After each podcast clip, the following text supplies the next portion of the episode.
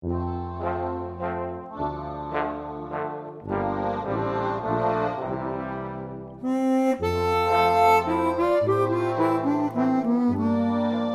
Kunstimuuseumis on ärevad ajad. juba kolm aastat käib Kumu kohut Eesti kunagi ühe rikkama pere järeltulijatega, kes sooviks tagasi okupatsioonivõimude ära võetud kunsti. sarnast huvi on üles näidanud Eesti ühe kuulsaima kunstniku sugulased. Seega on reaalne võimalus, et Kumust kaovad ühed Eesti tuntumaid maalid. kummalisel kombel aga jõuavad need kaks lugu kokku ühte majja Nõmmel see on Eesti Ekspressi podcast, mina olen Grete Lehepuu ja minuga on stuudios kolleeg Tarmo Vahter. tere! tere tulemast kõigile kuulama! Tarmo, me võiks alustada seda lugu tänapäevast, kuigi see ulatub lausa üheksakümne aasta taha. aga alustame tänapäevast ja vii meid kohtusaali, kus sa väga sageli käid erinevaid lugusid kuulamas. oh jaa, see algas niimoodi, et ma see oli nüüd äh, märtsikuu teises pooles, äh, läksin Harju maakohtus ühele avalikule kohtuistungile, äh, kus olid advokaadid ja siis oli kohtunik, ega seal kedagi rohkem ei olnudki ja kes seal vaidlevad ja mille üle see vaidlus käib? vaidlus käib selle üle, et Eesti-aegse tuntud ja väga mõjuka ettevõtja Joakim Puhki tütar kes sai märtsis üheksakümne aastaseks, teda ennast muidugi kohtus kohal ei olnud, see on arusaadav, ja siis omakorda tema õetütar, kes on ka, ma arvan, vanust aastat seitsekümmend, et nad on esitanud siis hagi Kunstimuuseumi, aga kuna Kunstimuuseumi varad kuuluvad Eesti riigile, siis on tegelikult hagi Eesti Vabariigi vastu, millega nad soovivad siis tagasi saada umbes kahtekümmet tööd, mis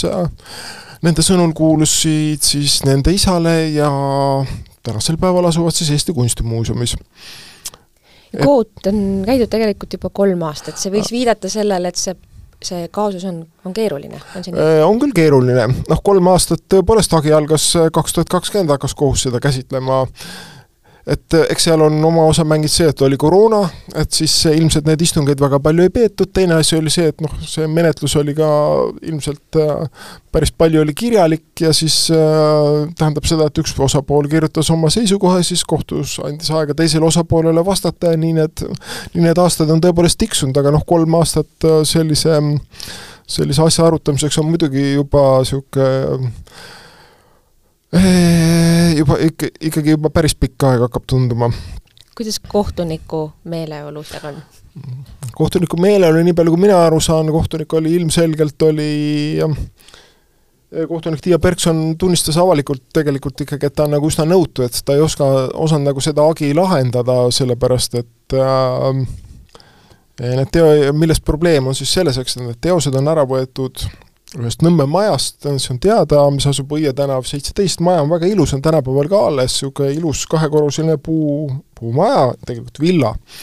ilusad, äh, punane puukatus on selle, vabandust, äh, plekkkatus on sellest punast värvi ja siis on niisugune ilus torn on veel sellel maja, et äh, ma ei oska öelda, kas ta on nüüd Eesti aeg ehitatud või lausa tsaari ajal, vist Eesti ajal. et noh, et Nõmmel tollal oli Tallinnast lahus linn ja siis ilmselt see torn oli sellepärast, et sealt oli võimalik siis tegelikult näha palju rohkem kaugele välja, et tänapäeval on puud suureks kasvanud ja on maju juurde tulnud, aga siis võis sellelt, nagu meie fotograaf Vallo Kruuser arvas, kes käis seda maja pildistamas, arvas, et sealt võis omal ajal näha võib-olla isegi Toompead. võib-olla tõesti tõesti, et siis see torn läks nagu asja ette. ühesõnaga, eks et ähm, on siis äh, dokumendid aastast nelikümmend viis, millega siis need äh, kunstiesemed, umbes kakskümmend maali ja skulptuuri kokku, on ära võetud siis Õie tänava maja seitseteist korteritest üks ja kaks, mille kohta on märgitud, et need on J. Puhki korterid. et nüüd tekib küsimus, et kes see J. Puhk on, et sellised on nimetähtedega, on tuvastatav, et inimesi on ainult üks, ehk siis ongi Joakim Puhk ise jaa, räägi meile natuke, me peame nüüd vist hüppe tegema ajas väikse okay. tagasihüppe, äh, jõuame siis ähm, Eesti Vabariigi, nii-öelda esimese vabariigi aega. kes oli Joakim Puhk? Äh, Joakim Puhk oli suurettevõtja, kes oli nagu niisugune väga mõjukas inimene ka poliitiliselt, ta oli Keskerakonna, mis tollal ei olnud siis mitte Jüri Ratase, vaid tollal oli siis äh, Jaan Tõnissoni Keskerakond oli ka selle liige, oli ka siis Soome konsul Tallinnas ja niisugune väga mõjukas tegelane, kes äh, andis siis äh, erakondade tegevuseks raha ja siis äh, andis kultuuritegevuseks raha ja noh, võib vist öelda, et sellise haardega hetkel nagu praegusel ajal nii, nii suure haardega äritegev-, tegijat Eestis ei ole, noh, võib-olla Sõõrumaa nagu mingis mõttes nagu läheks nagu sinnapoole, aga noh, Joakim Puhk oli ka Rahvusvahelise Olümpiakomitee liige, et Sõõrumaa on hetkel Eesti Olümpiakomitee esimees, aga ta ei ole veel saanud Rahvusvahelise Olümpiakomitee esimeheks. nii et kui ta sinna saaks, siis võiks öelda, et ta hakkab nagu siis äh, omandama neid nagu Joakim Puhki mastaape et ta oli väga rikas mees ja väga äh, tollas, tollal ajal oli küll jah, väga rikas mees, et äh, see oli nagu niisugune ähm, kontsern, mida nagu juhtis tegelikult, seal oli nagu viis venda, et äh, Joakim oli see nagu pealik neist ja siis ülejäänud neli oli veel, et see noh, kellegi nagu personaalset vara on nagu raske välja öelda, et see nagu jaotus siis seal kontserni liikmete vahel nagu laiali, siis oli veel tei-, palju teisi sugulasi, kes seal ka nagu töötasid väiksematel kohtadel. Kerime pisut aega edasi, me jõuame Teise maailmasõja aega. Ja see, nagu me teame, oli taolistele rikastele mõjukatele inimestele Eestis äärmiselt raske aeg. Um,. mis juhtus, mis juhtus Puhkiga, kuidas need teosed riigile said? kuidas need riigile said? No Joakimiga ja tema vendadel läks, neil läks jah halvasti selles suhtes, et neil ei olnud õnne, et äh, eks kommunistid võtsid nad aastal nelikümmend kinni ja siis viidi nad Venemaale ja siis äh, Joakim seal mõisteti süüdi ja siis ta lasti maha ja ja et selles suhtes läks nagu halvasti, kahtlemata, aga noh, see, mis nagu, mis nagu ütleme, et tema abikaasa ja tema kaks tütart äh, suutsid siiski Venemaalt tagasi tulla pärast Stalini aega, et selles suhtes nad elasid selle, selle koleda aja üle, et noh, selles suhtes see on, nagu näitab sellist äh, inimeste vastupanuvõimet. Sa oma loos mainid äh, väga armsasti kuidagi seda, et, et veel enne, kui see kõige õudsem asi temaga juhtus, ta jõudis paar nädalat ähm, äh, elada koos endale väga armsa inimesega just sealsamal samas Nõmme majas äh,? Jah, noh seda, seda aega, palju seda oli nüüd no, täpselt ma ei tea, aga äh, et ühest küljest võib öelda, eks, et see on nagu inimeste eraelu, et miks see nagu üldse peaks nagu tänapäeval käsitlema, aga teisest küljest, kui me vaatame, eks, et see juhtus äh, aastal nelikümmend ja juhtus selliste inimestega, siis see on nagu, kuulub nagu sellisesse kultuuripärandisse ja lõppude lõpuks äh, on see selles samas äh, kolmandat aastat toimuvas kohtuasjas nagu nagu sisuliselt oluline, see seletab, kuidas need kunstiteosed võisid sinna majja üldse sattuda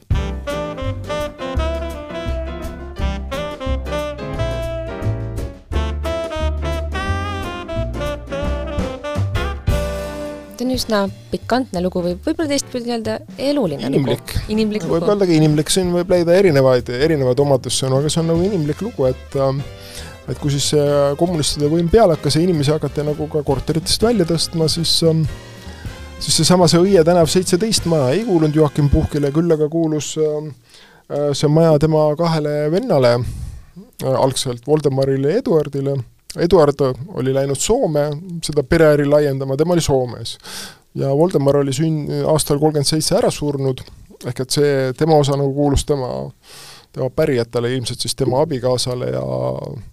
kahele lapsele. ja seal elas siis omakorda selles majas tegelikult elas üks daam, kelle nimi oli Marie Köhler, kes oli siis äh, seitsmekümnendates eluaastates ja tema oli siis selle Eduardi ja siis selle Voldemari, nende mõlema ämm, ehk tema kaks tütart, kes siis olid omakorda kunstnik Johan Köhleri äh, sugulased, olid siis abiellunud kahega vendadest puhkidest ja tõusnud siis nagu Eesti sellesse tolle absoluutsesse kõrgkihti. Joakim leidis, kolis ka sinna Nõmmele, mäletan õigesti? sellega on niisugune lugu, eks, et ähm, kes sinna täpselt esimesena kolis, on nagu raske öelda, aga mida on näha, eks, et äh, on olemas nagu ütleme, osaliselt nagu need äh, vanasti peeti niisuguseid majaraamatuid Nõukogude ajal, need on osalt säilinud pärast sõjajärgsest ajast ja seal on näha, eks, et aastal nelikümmend, äh, kakskümmend üks juuni siis, kui see punane värk tegelikult peale hakkas, millegipärast just sel kuupäeval on sinna saabunud siis elama Hilda Sinisoo, kes oli endine Estonia teatri näitlejanna, ja sinna saabus elama ka, ka tema poeg Mark Sinisoo, kes oli sündinud aastal kolmkümmend kaks, ehk et Mark oli siis aastal nelikümmend, ta oli kaheksa aastat vana, Margist sai hiljem, sai siis juba selle taastatud Eesti Vabariigis diplomaat ja siis äh, suursaadik Jaapanis ja ta oli Lennart Meri sõber ja niisugune avaliku elu tegelane, esines saates Nemo turniir ja ja noh, selles oli nagu tuntud inimene. See pikantne lugu või see, see inimlik lugu, mida me mainisime, me ei ole seda siiski ära selgitanud. Äh, no see tuleb ära selgitada, et noh, see, see nagu, see, sellest on tegelikult kirjutanud äh,, oli kunagi selline naine nagu Erika Aulik, kes siis äh, Nõukogude ajal tuli Eesti-aegne daam, ta siis lävis selle Eesti-aegse kõrgseltskonnaga. Ja siis ta Nõukogude ajal siis kirjutas nagu sahtlisse oma mälestused, eks et ei olnud nagu mingit võimalust neid avaldada, aga need mälestused olid alles. Ja siis need siis äh, minu meelest Trivi Velliste ja tema abikaasa siis leidsid need. Ja siis see avaldati kahe tuhandendate aastate algul raamatuga ja selle pealkiri oli siis Viru tänav ja teised. ja selles raamatus ta siis muuhulgas, Erik Aulik rääkis ka seda, et et Joakim Puhk kellel siis oli seaduslik abikaasa, kellega tal oli kaks tütart, et siis äh, Joakim Puhkil siis tekkis äh, siis ähm, lõi, lõi leegitsema armastus siis oma abikaasa äh, venna, venna mm -hmm. naise vastu mm. -hmm. ja selle tulemusena siis aastal kolmkümmend kaks sündis Mark Sinisoo. ja et siis äh, äh see nagu välja ei tuleks või õigemini selleks, et siis selle äh, selle, tema siis see Hilda Sinisoo päris abikaasa võtaks siis Marki enda nimele äh,, olevat ta maksnud siis talle siis äh, palju raha.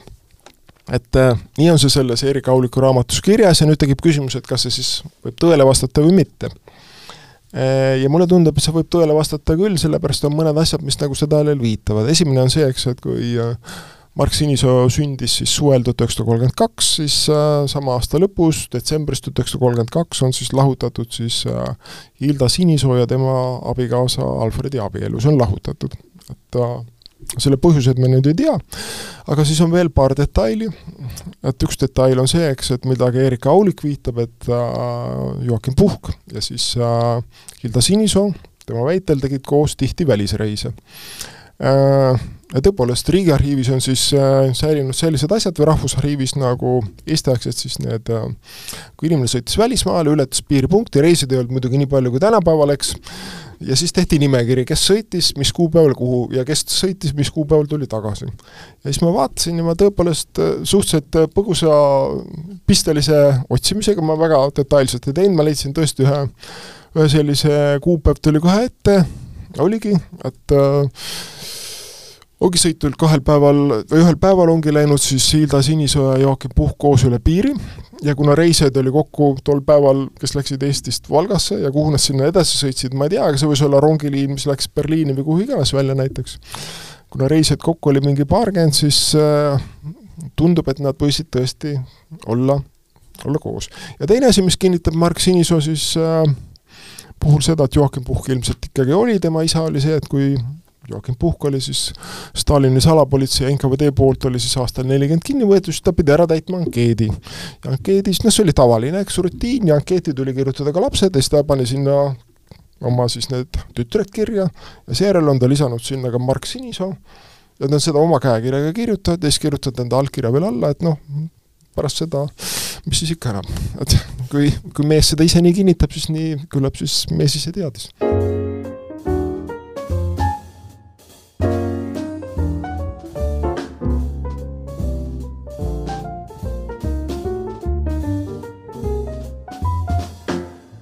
sellised lood äh, kindlasti noh, üllatus sul ei ole, aga sa ikkagi tegelikult korra kaalusid, et kas seda üldse, kogu seda suhete draamat on vaja äh, lahti no jaa, selles suhtes muidugi, eks et ühest küljest, eks et sellest äh, samast Erik Auliku raamatust, kuna see on olnud noh, päris populaarne raamat, sellest on võetud kaks trükki minu teada.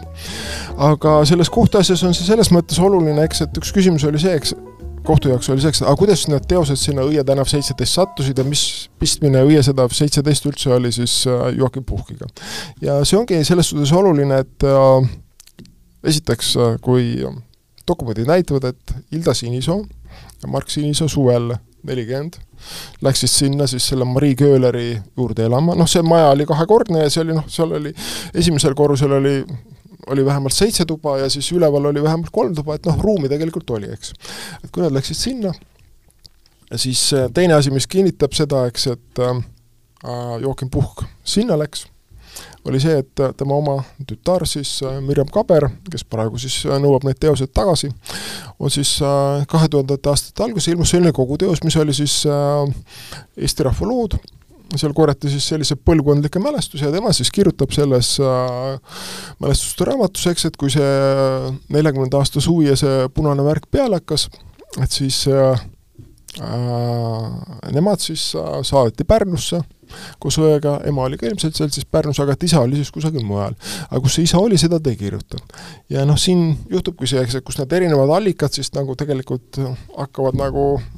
no see on nagu pusle, eks, et nad hakkavad nagu kokku minema, eks, et noh, me näeme, eks, et mingid tükid on puudu, aga tegelikult muster tuleb välja ja siit siis tulebki välja, eks, et siis tõenäoliselt siis oligi nii, et äh,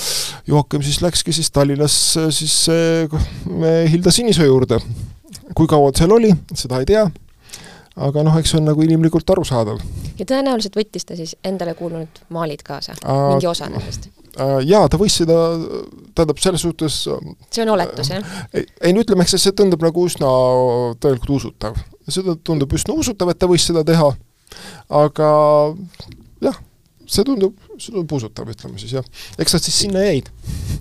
mille üle see kohus siis vaidleb? no kohtus küsimus on tegelikult selles, eks, et kui maalid on ära võetud ja neid on umbes kakskümmend, siis maalidel tegelikult ei ole ju taga silti, kellele see kuulus. ja teine asi on see, et see puhkide suguvõsa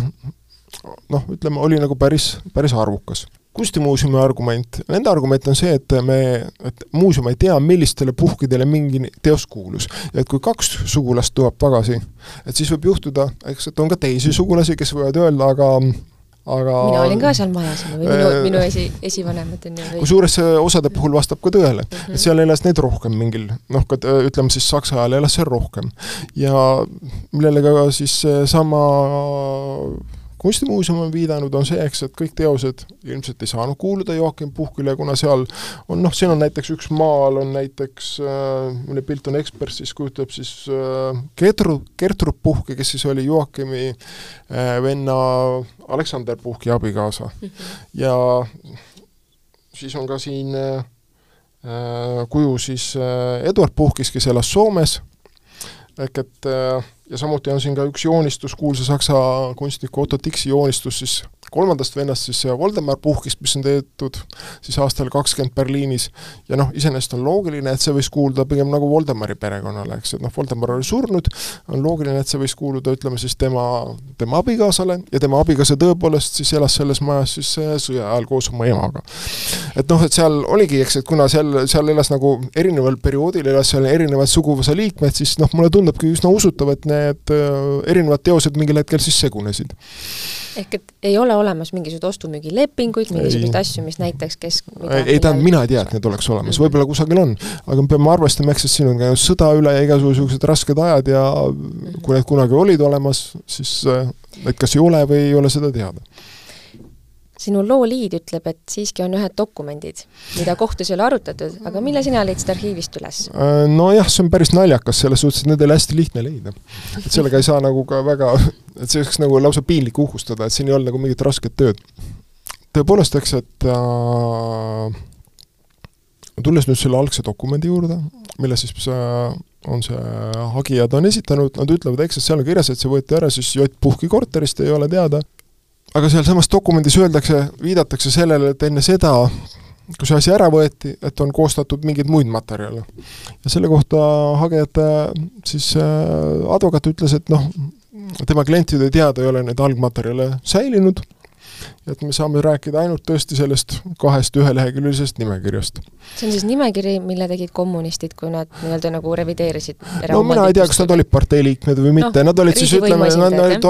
põhimõtteliselt nad olid siis äh, Tallinna linna, siis linnavalitsuse ametnikud, kes siis andsid seda asja siis tollasele kunstimuuseumile üle, võib-olla nad olid partei liikmed, võib-olla ei olnud, jumal seda teab. Äh, ühesõnaga noh, see oli nende ametiülesanne ja ma hakkasin mõtlema, et noh, tere, aga et miks siis seda algmaterjali võiks alles olla. ja ma tegin noh, väga, väga niisuguse lihtsa ja pistelise, pistelise sissevaate Tallinna Linnaarhiivi ja need olid seal ilusti olemas. siis ma mõtlesin, et see ei ole ju võimalik ja küsisin ja siis öeldi, et need on siin vähemalt kakskümmend aastat, tegelikult aastast kaks tuhat üks olnud avalikud ja et nende vastu ei ole ka mitte keegi kunagi huvi tundnud, sellepärast et noh, neil on see arvutis see andmebaas ja nad näevad, kas keegi on seda küsinud või mitte. ühesõnaga, need on kaks kausta niisugused äh,, õhukesed kaustad, lausa aastal nelikümmend neli hakkab see pihta, et kus on kirjutatud tegelikult isegi pliiatsiga. sest noh, sõjajärgne aeg või tegelikult nelikümmend neli käis ju veel sõda Eestis, tol hetkel enam mitte otseselt, välja arvatud metsad. eks et seal on nagu, ei olnudki pastakaid ja sulepäid oli ka raske, ongi pliiatsiga kirjutatud ja mis seal siis juhtus, tuli välja, eks, et äh, toimus selline asi, ehk et see oli siis nagu, mida nimetati ametlikult siis peremeheta vara siis arvele võtmine ja siis peremeheta vara oli siis see, eks, et kuna paljud inimesed olid nagu Eestist ära põgenenud, siis olid ära põgenenud sellest õieseitsedest majast, oli põgenenud ära siis äh, vanaproua Marii Kööler, kes oli läinud siis oma Helsingis elava ühe tütre juurde, ja siis äh, tema oli see, kes elas selles korteris seitseteist kaks ehk teisel korrusel, ja sealt oli siis äh, see nimekiri oli kirjutatud ikka väga pikk, et see, kogu see vara, mis tast oli maha jäänud, mida inimene ei võtnud endaga kaasa, kui ta noh, ilmselt siis paadiga sinna Soome pidi põgenema või kuidas see läks, kõik see oli siis äh, pandud sinna kirja, eks, et need on tema asjad. Ja kuna teda Eestis enam ei olnud, siis loeti see vara pehemet-, peremehetuks ja siis veeti siis sealt ära ja mis on naljakas, et äh, seal on kirjas, et see vara viidi siis äh, kompartei keskkomiteesse. Ja siis ja seal hulgas olid igasugused mingid kapid ja mingid no mööbel oli põhiline, mööbel oli põhiline, mis ära viidi, aga noh, lisaks seal olid ka ütleme, kõik lauanõud, supitirinad, lusikad ja noh, absoluutselt kõik see, mm. see viidi siis sinna ja siis äh, eks siis vot seal olid siis jah, see kompartei keskkomitee, seal olid siis juhtivad kommunistid, kes siis vaatasid, kuhu see vara läheb. mida panna on... müüki, mida visata ära põhimõtteliselt? Äh, ma arvan, et seal, see tundub, et seal nagu tegelikult pigem parem parem vara läks kellelegi, kellelegi korterisse, tundub, mm. sest seal ühel hetkel saabus mingi siis hindaja, kes ütles, et kaebas, et see oli ilusti kirjutatud ka pliiatsiga, paberile oli kirjutatud, et kõik parem vara on ära viinud ja see, mis on järgi jäänud, et see on nagu ilma jalgadeta ja see on koitanud ja et seda nagu ei ole vaja. ühesõnaga, need olidki ja seal oli siis äh, selles Maria asjade nimekirjas oli siis pandud kirja, et on kolm siis kunstiteost, mis kuulusid siis selle järgi, algmaterjalide järgi Mariile, et eh, neist on siis kõige kallim on siis, eh, või hinnalisem rahaliselt on siis Amandus Adamsoni poolt aastal tuhat üheksasada kakskümmend kaheksa, veidi enne oma surma tehtud niisugune marmoris siis eh, kuuskümmend viis sentrit kõrge selline tahutud välja niisugune alasti suplejanna pilt, kes siis istub seal et äh, ma küsisin Pia Ausmanilt, kes on tuntud kunstioksjonite korraldaja, tema mõtles, ütles noh, et arvab, noh, see teos võiks maksta ka ütleme, nelikümmend, viiskümmend tuhat eurot võib-olla oksjonil näiteks, kuna noh, sellised äh, Adamsoni mm -hmm. äh, ütleme, skulptuure liig-, liigub nagu väga harva äh,. Ja siis tal oli seal äh, ka kaks maali, oli pandud kirja, et need on Marii Vara, see on siis äh, Paul Raua portreed siis äh, Joakim Puhki ja kogu selle suguvõsa siis äh, sellisest ürgisast ja käivitajast ja ärimehest siis äh, Jaak Puhkist ja tema abikaasast Annast, kes siis tõi ilmale tervelt kaheksa last. kuule, aga siis see tähendab, et nüüd ähm, kas neil siis, hagejatel on siis õigus nendele asjadele või ei äh, ole, mida see dokument, kummale poole sa seda asja nüüd siis võiks kallutada? no see on kohtu otsustada, selles suhtes mina ei jaga vara jumala eest. et mina saan kirjutada ainult lugusid, mis toimuvad. Äh, et äh, ja siis oli teine dokument oli veel, teine dokument oli siis, puudutas seda ülejäänud kunstivara, see oli lühem ja see oli siis ära võetud sellest seitsetest üks ehk esimese korruse korterist. Ja sealt siis selgus, et seal elas siis äh, Marii äh, Köhleri tütar Äh, kes aga oli siis aastal tuhat üheksasada nelikümmend kaks oli Eestis ära surnud ja tema poeg oli siis aastal nelikümmend üks jäänud teadmata kadunuks ja noh, nad ei teadnud, et ta oli viidud Venemaale, kus ta siis oli seal saanud siis pika karistuse ja siis oli seal kahjuks ära surnud. et äh, temal oli omakorda siis tütar, kes äh, läks alguses Soome ja Rootsi. ja siis tema järglased elavadki siis tänapäeval tänapäeval Rootsis ja nende nimi on siis Mörner. ühesõnaga, äh, ja selle vara üleandmise juures oli ilusti kirjas, oli, viibis siis Hilda Sinisoo, kelle siis niisugune äh, noh, ütleme roll või noh, selles suhtes, et vaevalt selle seda, selle üle mingit heameelt tundis, aga ütleme, temalt oodati siis seda, eks, et peremehetu vara tuleb üle anda siis äh, täitevkomiteele ja noh, seda ta siis oli kohustatud tegema et, äh, et jah, need dokumendid on niimoodi olemas ja mis sellest siis edasi saab, eks see on siis loomulikult kohtuveskid siis jahvatavad edasi ja siis lahendavad seda asja vastavalt sellele. kas sa tead, kas emb-kumb osapool vaidluses on need nüüd võtnud oma, oma kasutada, oled sa kuulnud? ei, ma ei tea, noh, eks nad, mina avaldasin oma artikli järjest, noh, ajakirjanik avaldab mm, -hmm. jutustab lugusid, mis peavad tõele vastama muidugi, mitte väljamõeldud olema. ei, ma ei tea, eks siis osapooled ise vaatavad, kuidas nad, kuidas nad seda asja edasi lahendavad, et see ei ole minu otsustada, muidugi mitte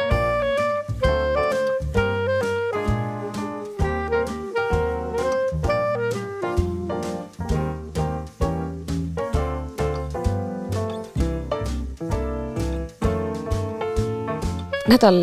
varem sa kirjutasid veel ühe loo maalidest ja see samamoodi see, me oleme juba nime Köhler siin maininud. ja, ja, ja sama küll kohtuasja veel seal ei käi, aga no võib-olla ei tule ka. võib-olla ei tule ka, me ei tea veel, aga Kumul tegelikult on hirm, et ja. et selline kunagi justkui omanikud varaks kuulutatud asjadele, äh, nende järgle-, inim-, tullakse kuskil neid tagasi nõudma. et selliseid pretsedente äh, on olnud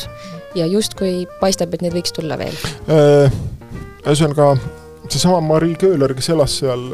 Õie seitseteist, et äh, tema oli siis äh, kunstnik Johann Köhleri vennapoja lesk.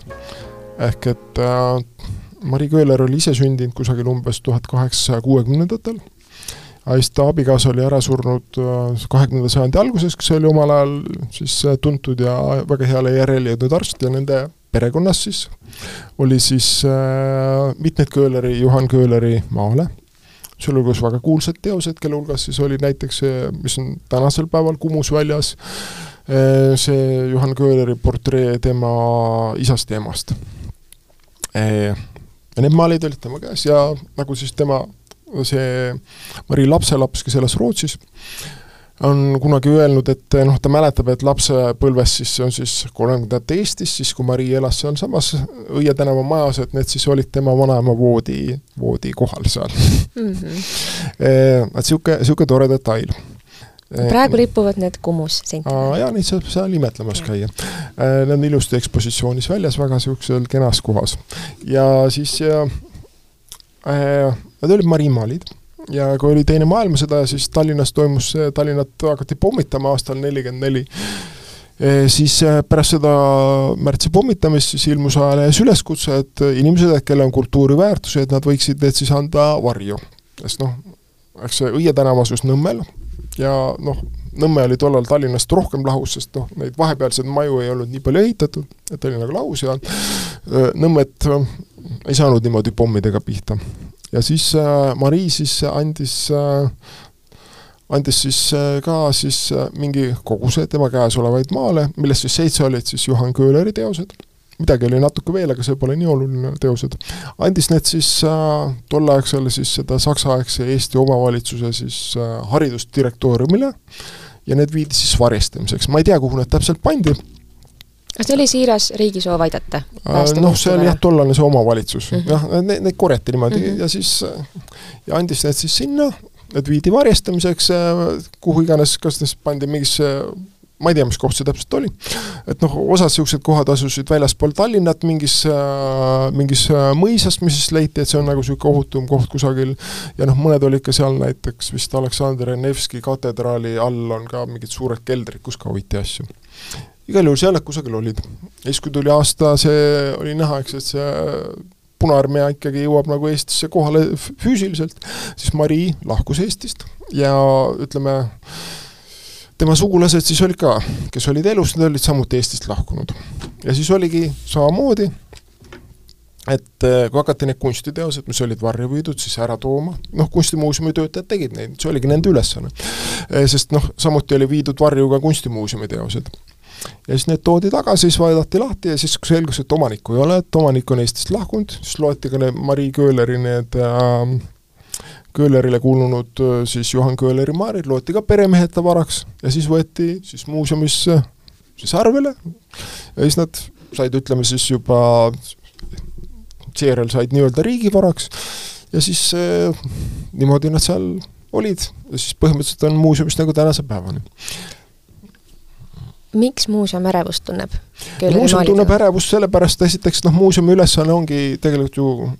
kultuuriväärtusi talletada, hoida ja noh, muuseumi töötajad on kindlasti seda noh, teinud, ütleme tegelikult täiesti selgelt südamega ja kirega ja noh, tuleb välja nüüd mingi juba kaheksakümmend aastat või niimoodi, aga ja kuna nad teevad oma tööd väga hästi, siis nad tegid, Mai Levin, tuntud kunstikorvpöö, ta siis kirjutas mõned aastad tagasi siis Johan Köhlerist niisuguse väga suure raamatu, korralik raamat, kuhu pani kõik siis Köhleri teoste pildid sisse, ilusti värviliselt trükitud, saab neid näha, ja et olla väga täpne, siis ta pani kirja ka, eks, et mis oli nagu ütleme, nende piltide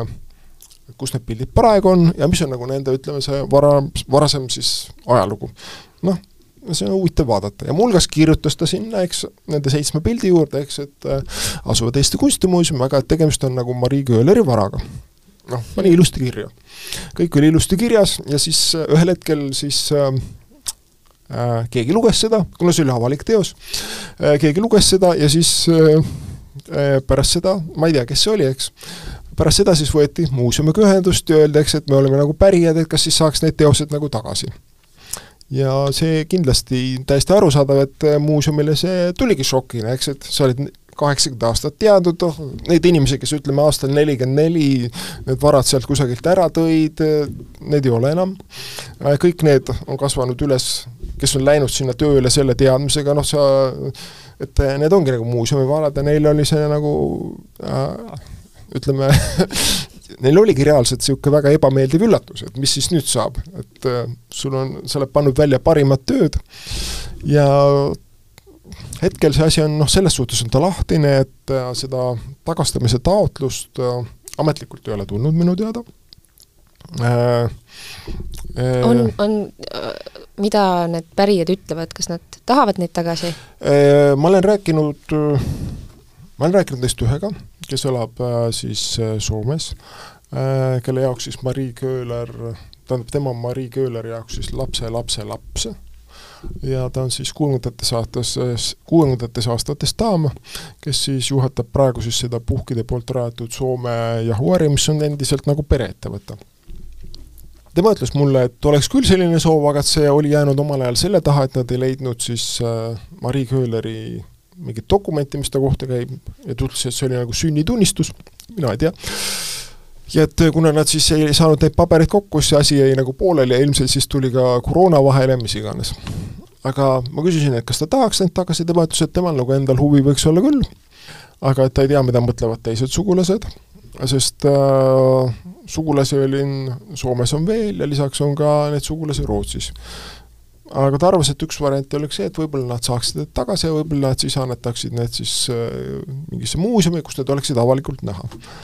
Äh, pärast seda, kui see lugu oli see eelmisel nädalal Ekspressis ilmunud, ma sain siis ka tegelikult meili siis ühelt äh, Rootsis elavalt sugulaselt, ma olin talt enne küsinud, aga sellele ei tulnud vastust. aga vastus tuli väga kiiresti pärast artikli ilmumist, samal hommikul tuli,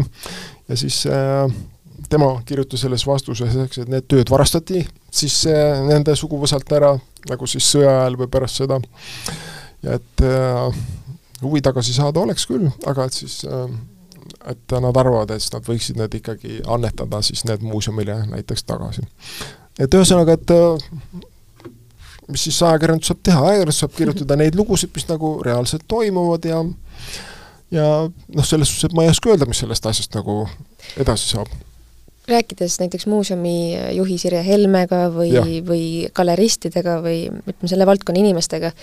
kui palju on muuseumis veel selliseid teoseid, kus võiks tulla pärijad, ütelda, et kuulge, me tahaks oma seina peale ma ei oska sellele küll vastata. et ma tean, eks, et siin on mõned üksikud juhtumid on olnud, et tegelikult need teosed on hakatud, hakati tagasi andma tegelikult juba üheksakümnendate alguses. et äh, samamoodi, eks, et tegelikult äh, Joakim Puhki tütrele ja tütardele, nad mõlemad olid siis elus, sellel samal üheksakümne teisel aastal anti tagasi kaks asja. Üks neist oli siis äh, nende isa kujutav maal, äh, see anti juba üheksakümmend üks, ei, vabandust, üheksakümmend kaks tagasi siis tollase kultuuriministri otsusega.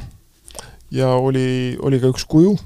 ja noh, samamoodi on antud ka ütleme äh, teistele inimestele erinevaid teoseid tagasi, noh näiteks ma tean, et mingitele inimestele on antud kellasid ja noh, erinevaid asju ja ka maale. aga noh, see ei ole nagu olnud nagu selline asi, et see oleks, oleks nagu ütleme siis avalikult nagu piltlikult öeldes ilmunud siis sellised pressiteated, et täna anti jälle midagi tagasi, et äh,